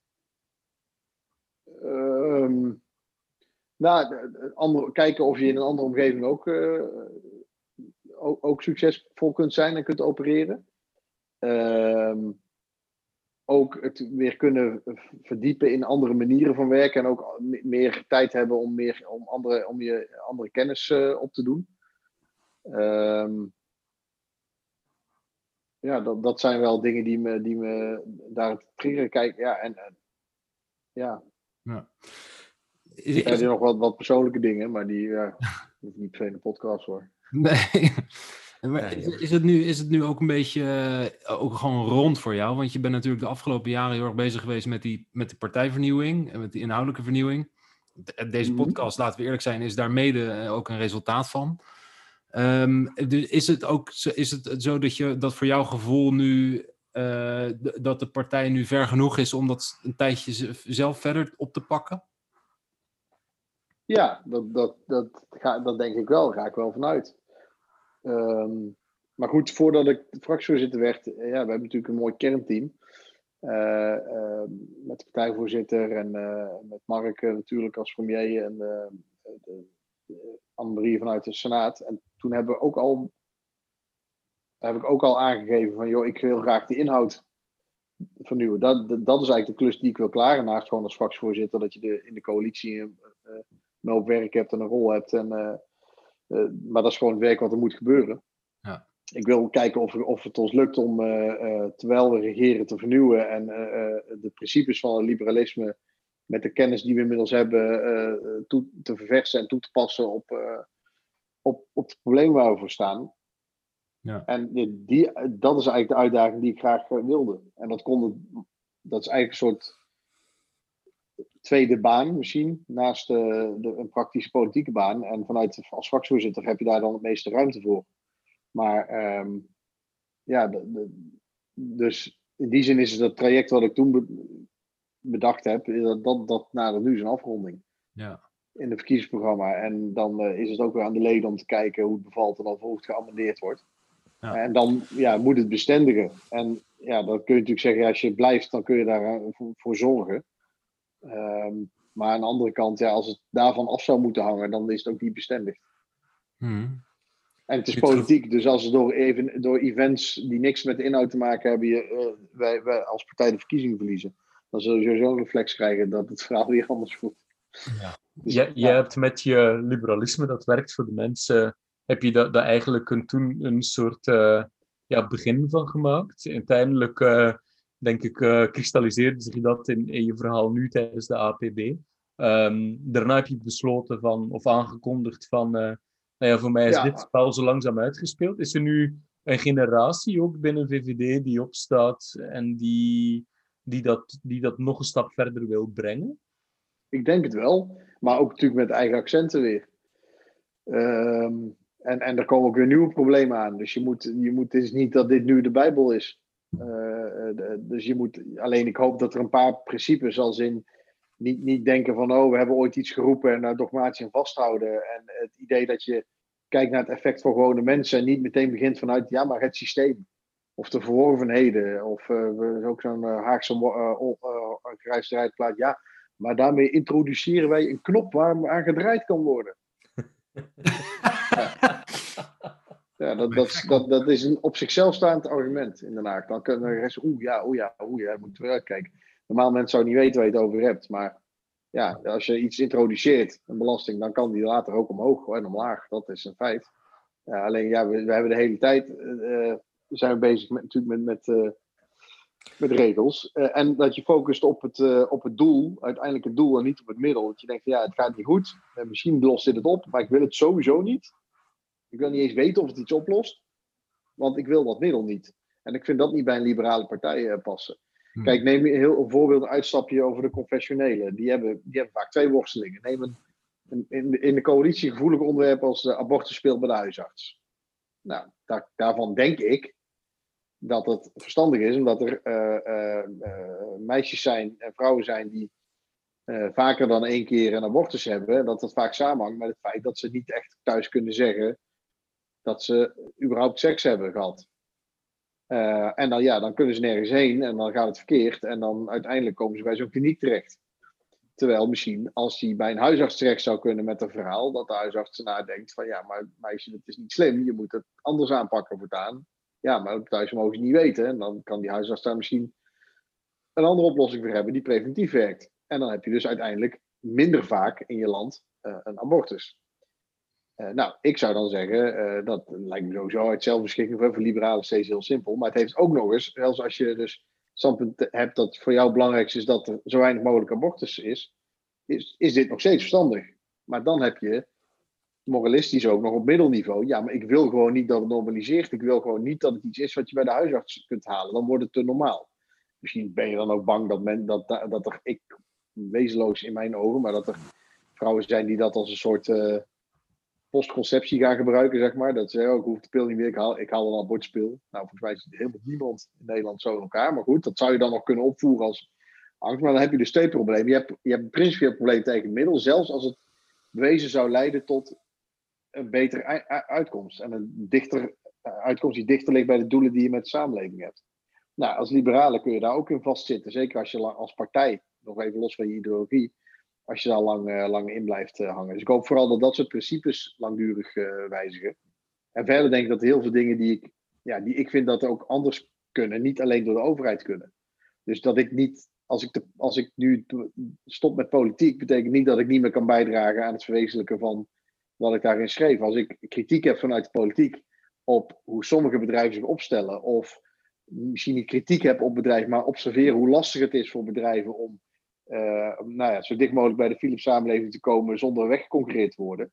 Dan zou je dus ook heel logisch kunnen vinden dat ik, dat, soort, dat ik mijn energie inzet om bedrijven te helpen dat te, te fixen. Want anders word je een soort zedenpreker die alleen maar tegen bedrijven zegt: je moet meer voor je omgeving doen. Ja, dat is natuurlijk wezenloos. Kom wel gewoon uit de liberale partij. Dus ik snap gewoon dat als je een bedrijf iets vraagt te veranderen, waardoor die gewinst weer maakt, houdt het hele bedrijf op. Dus kunnen ze ook niks goeds meer doen. Dus je moet die aandacht voor wat het goede is en hoe je betere, uh, betere bijdrage hebt uh, als bedrijf aan de samenleving, moet je wel kunnen combineren met gewoon je, je, goede connectie met de economie en je, en je bottom line.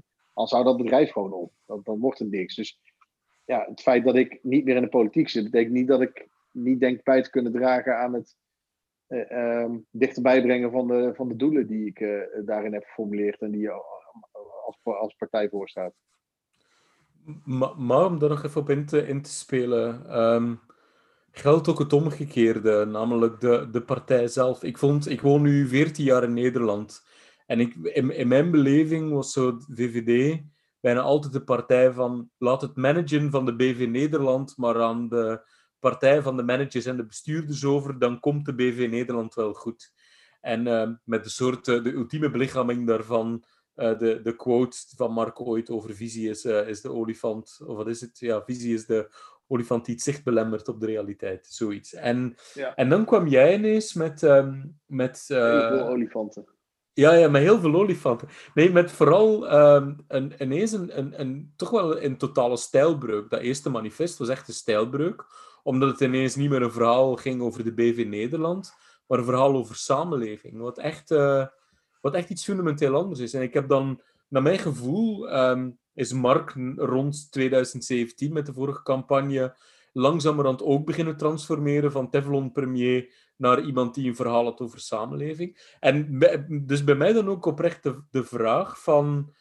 Uh, eenmaal, dat, eenmaal dat Mark deze laatste Tour of Duty zal uitgezeten hebben en jij weg bent, um, is er een soort zuurstof in de partij van mensen die heel erg spreken, denken vanuit welk soort samenleving willen we ontwerpen? Of gaan we terug weer naar een soort BV-managerspartij? Nee, dat laat ze niet. Maar dat, kijk, hier zie je ook hoe sterk beeldvorming werkt. Kijk, Mark is uh, uh, in 2006 partijleider eh, geworden. Uh, of ja, en, en, die verkiezingen die, wel, die waren niet zo succesvol toen. Maar dat was wel een periode waarin hij, hij schreef, artikelen schreef en beginsel, hij heeft een beginselverklaringprogramma opnieuw geschreven. Daar heb ik me niet aan gewaagd. Um, dat gaat alleen maar over de samenleving. Het gaat helemaal niet over BV's of BV Nederland. Dus het is ook wat anderen je aansmeren. Kijk, en in het begin denk je heel lang als partij, weet je wel, ja, dat is karikaturale onzin. Ik ken helemaal niemand van mijn collega's die er zo in zit. Nou, oké, okay, vooruit. Van uh, twee op honderd of zo. Maar ja, laat ze maar lullen. Maar ja, op een gegeven moment wordt dat beeld natuurlijk wel hardnekkig. Zoals jij het beschrijft, jij hebt het zo gezien. Ja, ja, dat kan ik me voorstellen dat dat het beeld was. Dan kun je natuurlijk wel in het clubje zeggen, ja, dat is onzinbeeld en mensen weten wel beter. Nou, misschien weten mensen na een tijd niet meer beter. Maar heel eerlijk, je dus wij, daar meer moeite voor doen. We hebben natuurlijk ook met een staatsschuldmeter op het plein gestaan. Ja, dat ja, zijn natuurlijk ook niet... ja, maar, de, dat, maar, dat, ja, maar dat ging over de toekomstige generaties in de samenleving. En elk, de, de schuld waarmee elk kind geboren werd. Dat was, dat was natuurlijk, je moet ook campagne voeren, je moet het probleem wel duidelijk maken met die staatsschuldmeter. Dat was toch niet een, uh, de spreadsheets kloppen niet. Wat erachter zat was een, een oprechte zorg over dat je gewoon je kinderen uh, een land nalaat waarin je alles moet uitkleden aan publieke voorzieningen. Uh, en, en ook eigenlijk niet zoveel meer verdiend wordt. En je afglijdt naar een soort. nou, laat ik niet weer, net zoals Mark altijd het land van Tom pesten, want België ligt er mooi bij. Maar weet je, en, en de, op een gegeven moment is dat wel in die karikatuur beter vaak de strijd ingegaan in dat frame. En ben je te vaak, als niemand het meer verdedigt. En we hebben natuurlijk ook wel gewoon. Uh, ik zeg niet dat het, dat het beeld op niks gebaseerd is. Maar, maar het is nooit de kern van onze partij geweest. Uh, alleen op het moment dat je dat, je dat, dat, je, dat je in de, in de uitvergroting van het debat steeds aan die kant staat. En dat je de enige bent die dat nog benadrukt en verdedigt, wordt dat beeld steeds sterker. En trek je natuurlijk ook meer mensen aan die door dat beeld aangetrokken worden. En minder mensen aan die denken, die, die, die ook liever over andere dingen hebben. Maar de essentie van de VVD als partij is niet, is een partij meer juist van middenklasse en MKB en de kleine luiden. Uh, en en uh, dat zijn onze doorbraken geweest. En daarna ook de zorgen van die middenklasse en die grote groepen mensen, de stille, hardwerkende meerderheid over migratie en integratie en veiligheid. En, en of zij hun kinderen nog een land konden geven wat er een beetje net zo persoonlijk voor stond als waar ze zelf in leefden. Of dat er, dat, nou, dan heb je toch over staatsschuld. Er staat gewoon een, indicator van dat die zo hard uit de, uit de klauwen liep. Dat, dat, dat het niet meer te dragen was. Dus ja, ik, ik, ik denk dat, we, dat, we, dat dit beter vertegenwoordigt waar de partij altijd voor heeft gestaan dan, dan een aantal karikaturen. Alleen als een beeld hardnekkig is, moet je dus ook uh, in het, om, dat, om dan weer te corrigeren, moet je niet het beeld alleen maar uitstralen wat je denkt dat het prima is. Dan moet je dus naar de andere kant om weer terug te komen op het midden. Ja, um, ja want, want ik, ik associeer het inderdaad vooral met begrippen als koopplaat, koopkracht en vestigingsklimaat ja. en begrotingsevenwicht. Dat zijn ja. zo de leidende frames. Dat ja. zegt niks over, ja, maar een, een, een, zo'n zo'n land met een goed vestigingsklimaat is dan nog steeds wel een heel fijn land om te wonen. En ik denk dat ja, dat, dat, dat een soort gat was die jij vanaf dat manifest, naar mijn gevoel, hebt wel, uh, wel proberen te dichten. Ja, zeker. Maar dat is, dat is, dat, dat is niet een, een, um, een soort van uh, partij die al decennia lang A was en we nu B worden. Alleen we hebben in een, in een tijd te veel in één hoek gezeten. Hmm. En nu ben je weer terug, eigenlijk laat je weer in de volle breedte zien waar je, waar je als partij voor staat. En er zullen best ook wel andere accenten uh, zijn. Alleen um, die ironie dat, dan Mark, dat, dat je dan Mark aanwijst als de, als de manager. Ja, kijk, als je tien jaar het land goed bestuurt, ja, tuurlijk, dan is dat ook wel een compliment. Maar zijn, zijn, zijn oorsprong in de partij als partijleider was juist heel erg uh, inhoudelijk uh, gericht en vernieuwend. En ik denk dat die opmerking over visie, die is lang blijven hangen. Um, ik, maar ik denk dat ik hem in die context zou ik misschien ook wel gemaakt hebben. Want je werd gewoon de een na de ander had weer visie. En het stelde allemaal geen ene klap voor. En nou, de stip aan de horizon, die is nog ingeburgerd ook, die komt van D66. Ja, toen riep ik ook altijd, ja, stip aan de horizon op een foto. is meestal gewoon een vlekje plans. Weet je, dus ik had, ik had het ook, ik had het gevoel ook van, gat. Eh, en dan werd er weer, dan, dan had je alles netjes opgelost. En dan stond je daar weer als premier, stond hij weer in de Kamer. Dan stonden we daar als kabinet. En dan hadden we dit opgelost en dat opgelost. En daarna had je altijd, ja, maar u had geen regie de communicatie was niet goed en de visie ontbreekt. Dus met andere woorden, je krijgt het ja, je hebt dat probleem nou wel opgelost, maar wel zonder visie. Je hebt het probleem toch opgelost. Wees een keer blij. Weet je, dus ik snap dat sentiment dat je op een gegeven moment zegt, ja, visie, visie. Want het werd ook steeds groter. Hè? Wanneer komt uw visie? Ja, iedere speech zit visie. Laatst heeft hij uh, improviserend in een, uh, in een debatje met de SP de Kamer nog gewoon een heel stuk visie ontvouwen. Natuurlijk zit dat er wel in. Maar dan wordt het ook gewoon een soort van teambuilding. Dat doen we niet aan. Totdat we op een gegeven moment weer hebben gezegd, ik doe er wel aan. Uh, en dit is visie. En het verschil tussen uh, mening en visie is vaak gewoon dat je erboven zet, visie, dubbele punt. ik heb, we hebben wel ons best gedaan om verder te gaan en een samenhangende visie te, te maken waarin op onderliggende principes alle hoofdstukken terugkomen. Alle onderwerpen, alle thema's van de maatschappij. maar sommige komen er ook gewoon mee weg door te zeggen, een heel verhaal te houden op één onderdeeltje en dan te zeggen, dit is mijn visie. Dus dat kan ook. Ja, dit, maar dit brengt ons weer met wat we het over hadden helemaal in het begin, namelijk dat je de electorale strijd voert tegen partijen die nul op beleid en, uh, en besturen zitten en 100% op een idee over de samenleving. Uh, maar dat zij daar electoraal tractie mee krijgen, met vooral uh, omdat mensen nu eenmaal eigenlijk niet geïnteresseerd zijn in beleid. Maar je voert ook strijd tegen partijen die dat niet doen en wel op beleid eh, de strijd uh, hebben. Ja, en die verslaan dus, jullie al jaren. Het is, niet alleen, het is niet dat we nou de hele tijd moeten denken, goh, uh, de inhoudelijke verschillen zijn... Eigenlijk heb je een soort voorstrijd en die is dat de strijd die jij beschrijft niet dominant is. Zodat de echte eindstrijd politiek voor de kiezers kan gaan over tussen partijen die allemaal... Um, hun best doen, zich op feiten te stoelen en uh, verstandig beleid te voeren. Want anders loopt, gaat het per verkiezing steeds meer worden alsof het. Uh, dat brede midden hebben we het ook wel genoemd. Maar ja, ik heb, ik heb helemaal geen zin om op één hoopje te zitten met, met Jesse Klaver. En andersom, hij ook niet. Dat is niet persoonlijk. Maar het is helemaal niet gezond als je, als je naar een peiling kijkt en dan denkt dat je partijen waarmee toen ik ooit lid werd, die nooit dacht dat die überhaupt zouden regeren. En weet je, als kiezers erop stemmen, verdienen ze een kans om te regeren. Daar gaat het natuurlijk niet om. Maar ik wil gewoon de strijd op inhoud. Ik wil gewoon links uh, verslaan en zo. En niet dat ik nog, moet, nog blij moet zijn als links genoeg zetels haalt. Zodat in ieder geval partijen niet aan de macht komen die helemaal geen zin hebben om iets te doen voor het land. Het is gewoon, je moet de, uh, het is een self-fulfilling prophecy. Doordat als partijen na de verkiezingen meteen zeggen, ja, op ons hoef je niet te rekenen. Dan moet je die zetels afschrijven, terwijl ze nog wel meetellen voor een meerderheid. Dus de facto heb je eigenlijk, als je kijkt naar, de, naar, de, naar het politieke spectrum, ideologisch, inhoudelijk gezien, moet je permanent met twee derde meerderheid regeren. Je hebt eigenlijk twee derde nodig van wat normaal het politieke spectrum is, om, uh, de helft te hebben van de aantal zetels in het parlement. Als er, als er zoveel partijen bijvoorbeeld zeggen, zoek het maar uit. En dat maakt het natuurlijk ingewikkelder, want dat maakt de, is niet zo gezond. Dat maakt de verschillen kleiner. Je zou eigenlijk op elk spectrum, elk, elke plek, midden, links, rechts, rechts, midden, twee partijen moeten hebben, zodat je als de ene keer geregeerd heeft en, en, en, en de keel uithangt bij de kiezer, dat die andere dan in kan stappen. Ik, even los van dat ik een partijman ben, ik zou als, als, als gewoon waar ik op het spectrum zit als Nederlander, als kiezer, ik ben natuurlijk al voor, ik, heb, ik ben bij een partij, dus dat verandert nooit meer. Maar gewoon als ik niet bij een partij was geweest, een andere baan was gaan doen, dan zou ik gewoon graag hebben dat als de een op zijn gat ligt, op zijn rug ligt, dat ik in ieder geval die andere nog heb om op te vertrouwen.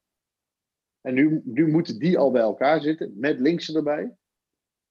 Het waren al gewoon tijden dat je kon denken, nou, ik ben van de VVD, dus ik hoop die wint. En het CDA ligt even op zijn rug. Nou, dan kon je als, als gematigde kiezer denken, nou ja, het CDA, ja, die hebben even een probleempje, dat snap ik ook wel. Die hebben regeerd, een paar dingen niet handig gedaan, of de VVD. Nou, dan ga ik nou wel een keer naar die andere. En dan, ja, het is wel net wat anders, maar het is niet dat ik nu in één keer een heel ander wereldbeeld uh, ben geraakt. Wel waar het vandaan komt, maar in de praktische, laat ik zeggen, in mijn belastingtarief zal het niet, heel, zal het niet superveel uitmaken. Ja, dat is allemaal weg. Dat, die luxe heb je nu niet meer. Je hebt wel drie partijen op links, daar kun je nog kiezen, maar die moeten al zich optellen. Als het al lukt, want meestal vechten ze elkaar eerst nog weer de tent uit. Maar die zijn dan opgeteld een factor van betekenis. Dat kun je, je woont hier nou 14 jaar, maar ik denk dat 14 jaar geleden al onvoorstelbaar was. Dat de Partij van de Arbeid maanden voor de verkiezingen moet zeggen: nee, wij zijn echt een factor om rekening mee te houden. Want wij gaan per se samen met een van die andere twee. Ik kan je vijf jaar geleden al, ik zou ik leed maken overal hebben als VVD'ertje. Maar tijden, dit is, dat, dat, dat kan nog niet even. Zo erg is het al. Hey, um, we gaan um, uh, ook richting de bespreking van het verkiezingsprogramma toe in de partij. Uh, tegen de tijd dat deze podcast online staat, is het conceptverkiezingsprogramma uh, gepresenteerd. Um, wat vind jij de, eigenlijk de belangrijkste vooruitgang in dat programma ten opzichte van het vorige?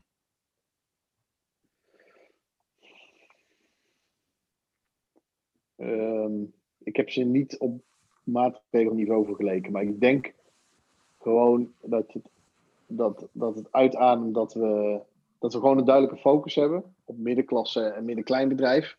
En dat er gewoon meer realisme in zit. Uh, niet dat het vorige programma. Uh, dat ben ik natuurlijk, daar was ik ook hartstochtelijk voor. Ik heb ook campagne voor gevoerd. Maar toen gingen we meer uit van wat vonden we de vorige keren, wat moeten we nu aanpassen en wat, toen was ook nog een van de grote opdrachten: score het best bij het CPB-doorrekening op uh, lange termijn banengroei. En nu heeft het ook bestuur de ruimte gegeven om te zeggen: maak gewoon een programma waarvan je denkt dat het het beste uitpakt, de beste basis is om aan kiezers uit te leggen waar wij voor staan. Uh, en hebben we niet uh, zeg maar de, vaststaande uitkomst uit doorrekeningen moeten nemen om, om, om een verhaal te schrijven. Oké. Dus oké, dus het uitgangspunt daarvoor was, was heel anders. En is het, is het voor jouw gevoel, um, uh, kan je met dit programma de partij met een gerust hart voor een paar jaar uh, even achterlaten? Sowieso. het, is niet, het, is ook niet, mijn programma. Ja, ik, ik ben er heel blij mee. Ja. Maar het is ook het resultaat van wat ik opgehaald heb bij de leden. Dus het is veel minder, hoewel het geschreven is door een klein gezelschapje van mensen die hoofdzakelijk in Den Haag werken, is het denk ik minder Den Haag en de vaste uh, parade aan lobbyisten en belangengroepen en uh, collectieve overheidsorganisaties. En veel meer luisteren naar leden die al vaak op onderdelen een stuk verder waren dan we zelf. en dat proberen te vatten in een, in een coherent verhaal. Ja. Mooi. En als er dan één ding, uh, uh, je, mag, je mag twee dingen noemen waarvan je nu tegen elk lid dat luistert kan zeggen, blijf daar met je poten vanaf met amendementen. Nee, nee, nee, dat moet zeker gewoon lekker amenderen. Ja, oké. Ja, nee, ik bedoel, ik, als, ik, ga, nee, ik ga, dat, dat is nou juist niet de bedoeling, dat je het idee hebt als lid van, uh, dat komt gedonder als ik mijn mening geef. Nee. er zitten echt dingen in, uh, nee ja, dat kan toch? Ik bedoel, ja. Nee, nee, maar er, zo bedoel zitten ik er ook, oh, sorry, zitten er ook spectaculaire dingen in dat je echt trots op bent? Die, die zitten niet per se op, op, op maat, maatregelen. Uh, programma. Er zitten wel uh, op ja. We vinden, um, uh, dus dat, daar ben ik wel heel, heel trots. Daar staat echt een, een soort heel rij, van dingen waarvan je zegt, ja, die kunnen toch niet allemaal tegelijk? Nee, die kunnen niet allemaal tegelijk. En ik liefste heb ik bovenaan het lijstje. Maar als dat niet lukt, ben ik hiertoe bereid. En dat loopt af tot. Ik zou nooit onze grenzen willen sluiten. maar als er een extreme uh, hoos is en alle andere landen in Europa zijn gekke Henkie, dan doen we het wel. En ik heb liever, ik stuur, ik heb altijd, stuur liever de Marseille naar de Belgisch-Franse grens, nog liever naar de Frans-Italiaanse, nog liever naar de Europese buitengrens. Maar als mot, dan deinzen we er niet voor terug. En dan maken we Schengen eerst iets kleiner en als het echt moet, de landsgrenzen. Maar ik denk dat dat niet hoeft. Ehm, ehm, maar, maar, daar hebben we dus echt wel aangegeven waartoe we bereid zijn. En niet alleen, dit is ons ideaal. Het staat er ook in, ons ideaal. Uh, waarbij we niet meer uitgaan uh, van uh, dat, dat een vluchtelingenstatus een, een recht geeft op permanente hervestiging in Nederland. dat, dat ben ik niet voor. snap ik sowieso niet. Ooit dachten we, je moet vluchtelingen opvangen, prima. En toen hebben we gedacht, ja, als de mensen al heel lang ergens zijn, dan moeten ze ook verder kunnen met hun leven. Ja, dat, dat ben ik het op zich ook mee eens, maar niet iedereen. Als jij hier bent als vluchteling en je hebt een status en je, hebt, uh, je bent crimineel, of je hebt iemand, uh, aan iemand gezeten wat niet de bedoeling was, dan vind ik nog steeds dat we je veilig moeten houden. Maar dan krijg je geen ticket om de rest van je leven je, je leven in Nederland op te bouwen. Nou, nu is dat wel zo. Uh, dan gaan we pleiten om dat te ontkoppelen. je kunt wel het verdienen, is ook niet uitgesloten. Als je meedraait, ons waarde onderschrijft, zicht hebt op werk, dan zou ik zeggen, en met je gezin en het gaat allemaal lekker, dan zou ik zeggen, nou, als je hier uh, vijf jaar uh, bent, dan, dan kun je sneller permanent verblijf krijgen. Maar wel omdat we hebben ook hebben geconstateerd, niet alleen je moest wegvluchten, maar ook je past bij ons en je doet je best. Nou, dat, dat kunnen we niet als land zelf regelen, staat er ook netjes bij. Het is niet van, dat gaan we fixen. Um, je zult er de Europese regels voor moeten aanpassen. Maar dat neerzetten als ideaal hoe je als samenleving om wil gaan met en op steun aan, aan mensen in nood, maar ook goed kijkt wie je permanent in je samenleving opneemt. Ja, dat, dat is ook wel iets waar ik trots op ben. Mooi. En de vraag die iedereen op zijn lippen heeft, krijgen we weer 1000 euro? Nee. Tenzij je in de zorg werkt. En misschien nog een, uh, een persoonlijke vraag om, om, om te eindigen. Uh, ook terugkeren beetje naar jouw toekomst. Ik, uh, ik hoorde vorige week een heel interessant interview. Je, je kent hem zelf ook. Naval Ravikant was in de podcast bij Tim Ferriss. En hij eindigde het interview met een heel leuk stukje met het verschil tussen, hij noemt het verschil tussen game en play. Dan zegt hij van kijk, in je leven ben je eigenlijk, word je meegetrokken in allerlei spellen. Uh, het uh, successpel, het carrièrespel, het relatiespel. En je probeert al die spellen te spelen, maar gaandeweg proberen die spellen ook hebben hun eigen spelregels en dynamieken en hun eigen doelen. En voordat je het weet, ben je eigenlijk helemaal, ga je zodanig op in het spel dat, dat je jezelf verliest in, in dat spel. En zelfs al heb je het spel uitgespeeld, dan nog blijf je eindeloos hangen. Zelfs al heb je succes gehaald, dan nog heb je geen ander idee van een ander spel. Dus blijf je dat spel maar spelen. Ik vond het eigenlijk een heel, een heel bevrijdend idee. Dus zegt hij van, ik heb uiteindelijk uh, ervoor gekozen dat ik alleen nog maar gewoon wil puur spelen om het spelen. Play, in plaats van games. Kunnen we zeggen dat, dat, uh, dat ik voor jou het, het, het play, het spel van politiek, dat je nu zo langzamerhand wel het gevoel hebt van nou ja, dat spel is uitgespeeld. Ik heb uh, alle levels doorlopen. Het is voor mij uitgespeeld en ik heb zin om nieuwe spellen te, te leren spelen.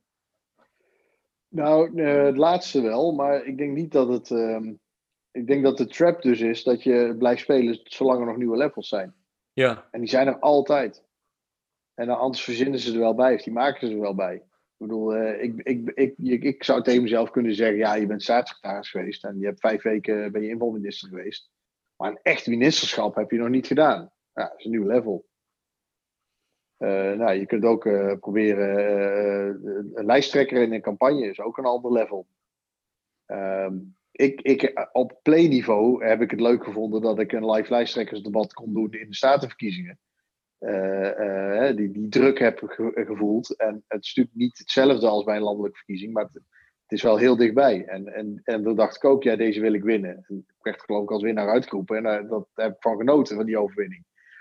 En ik wilde heel graag dat, dat wel doen. Ook al was het maar dat ze niet, als, omdat ik toen al wist dat ik zou stoppen, dat ze niet zeggen, ja, ja, ja, hij heeft ook één keer zo'n debat gedaan. Uh, stond hij ook voor me voor lul. Dus ik snap wel dat hij dat niet Je wil laten zien, ik wil laten zien dat ik het kan, maar dat betekent niet dat ik het dan moet gaan doen.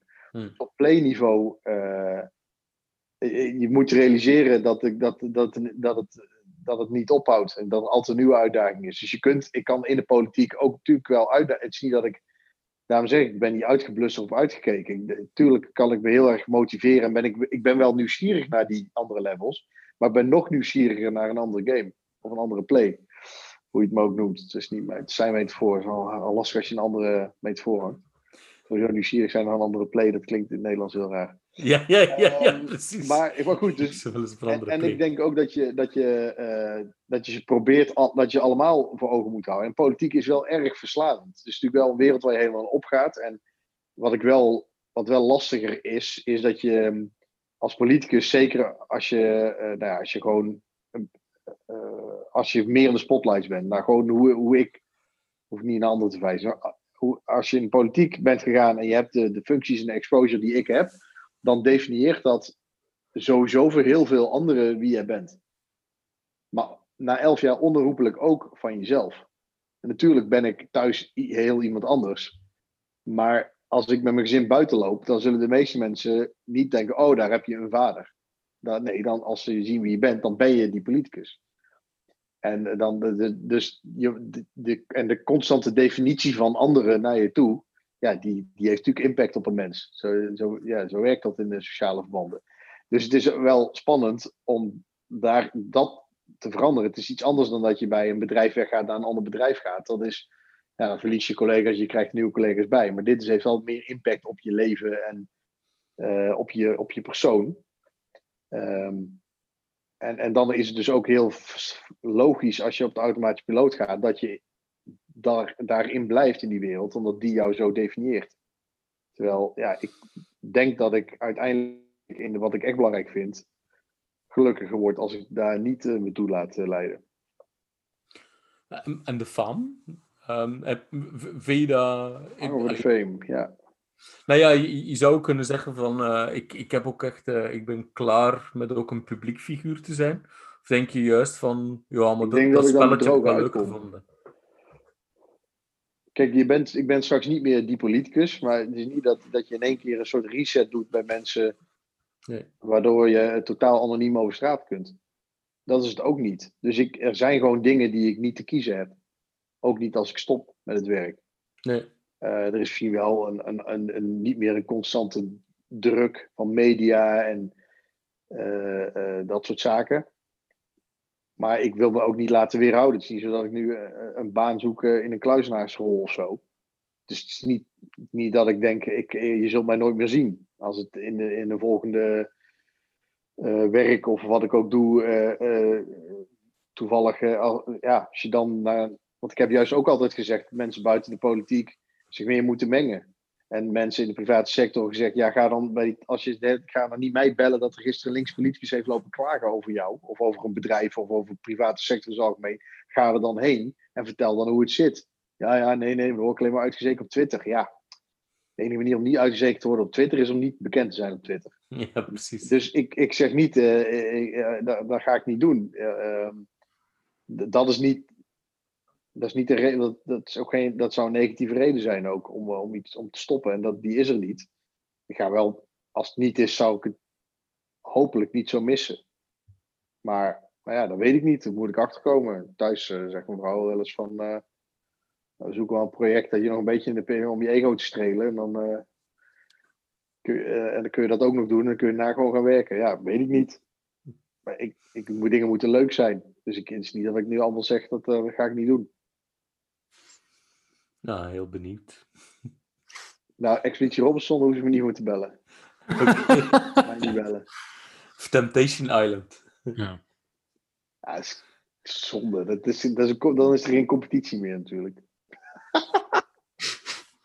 nee, nooit.